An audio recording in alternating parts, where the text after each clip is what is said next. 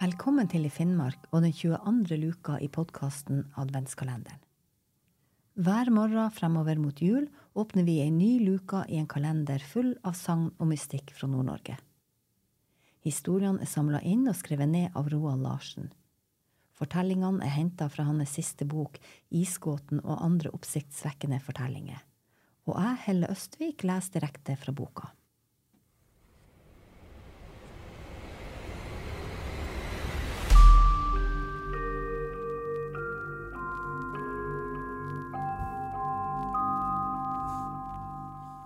Vi åpner den 22. luka med historien En stallo på ei yttertrapp i Kåfjord utafor Alta. En gang jeg skulle undervise elever i småskolen i Kåfjord i Alta kommune, så jeg en mystisk og til dels skremmende figur. Nå er det nok noen fra området som vil protestere og si at du er ikke herifra, det tror vi ikke noe på, det har du ikke sett. For sant å si var det noen også den gang som sa akkurat det da jeg fortalte dem om det jeg hadde opplevd. Langt på vei kan jeg forstå sånne innvendinger, for det er jo ikke hverdagskost at noen observerer noe sånt. Men på den andre sida, jeg så det jeg så. Jeg må vel tro mine egne øyne. I 1978 gikk jeg det nest siste året på lærerskolen i Alta. Mens jeg studerte, vikarierte jeg i grunnskoler, annet i Kåfjord. Denne bygda er et gammelt strandsittersted og kirkested ved bunnen av Kåfjorden, som er den innerste fjordarmen av Altafjorden. Plassen ligger 15 km vest for Alta sentrum. De omliggende småskolene utenfor Alta ringte ofte til lærerskolen for å høre om det var noen studenter som hadde de og de fagene, og om de her aktuelle studentene kunne tenke seg å ta et vikariat. Siden jeg trengte penger og dessuten ønska å skaffe meg litt undervisningserfaring, heier meg gjerne rundt og takka ja til sånne tilbud, så lenge det ikke kolliderte med undervisningstimene jeg fikk på lærerskolen.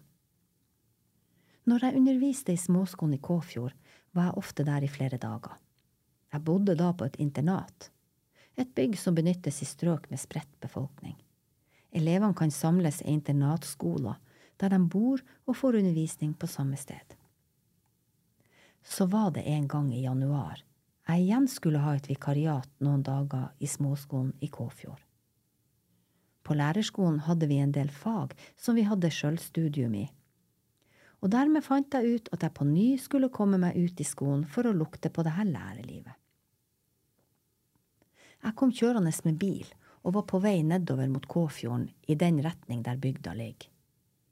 Mens jeg befant meg der et stykke ovenfor bygda i en avstand av rundt 300 meter, så jeg ned mot fem gatelys og inngangen til et par trehus. Et av husene hadde utelys, og jeg så tydelige spor i sneen utafor dette huset.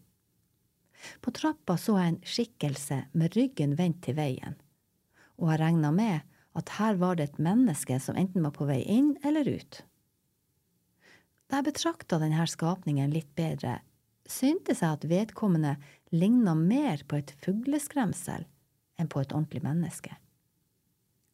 Det var fordi at det en kort stund holdt armene rett ut, akkurat som et kosteskaft. Men så krumma skapningen ryggen der foran døra, og da antok jeg at det var mest sannsynlig at vedkommende sto der bøyd foran dørlåsen og var i ferd med å låse opp. Jeg kom til å tenke på en mytisk figur som opptrer i ulike roller i samisk folketro, nemlig Stallo. Stalloen forekommer særlig i to hovedtyper i eventyr og sagn, og jeg tenkte på den ene typen, nemlig den som har betydningen et gjenferd, som er utsendt av en noaide.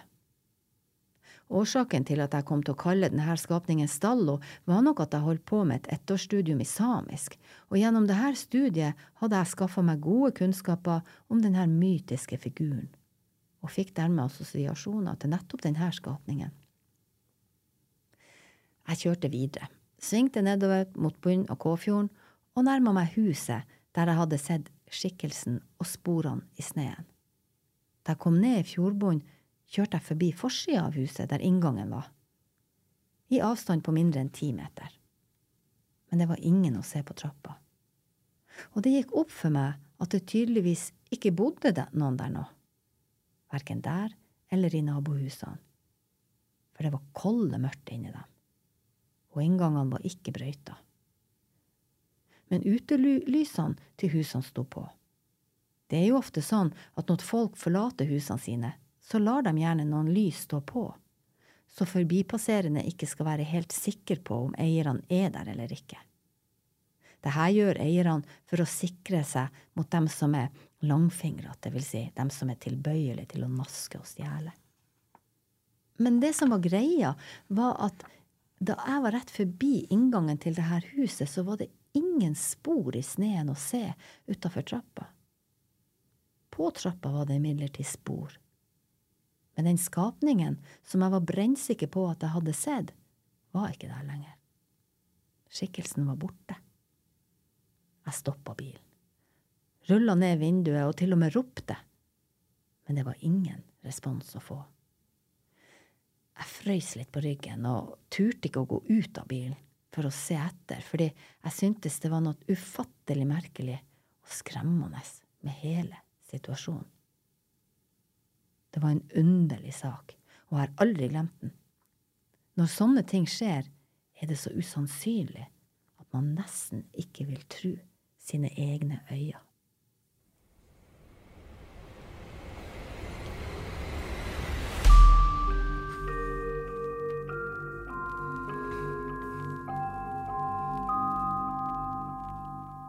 Det her var 22. luke i, i Finnmarks podkast Adventskalenderen. Mitt navn er Helle Østvik, og jeg har lest historien En stallo på ei yttertrapp i Kåfjord utafor Alta fra Roald Larsens siste bok Isgåten og andre oppsiktsvekkende historier.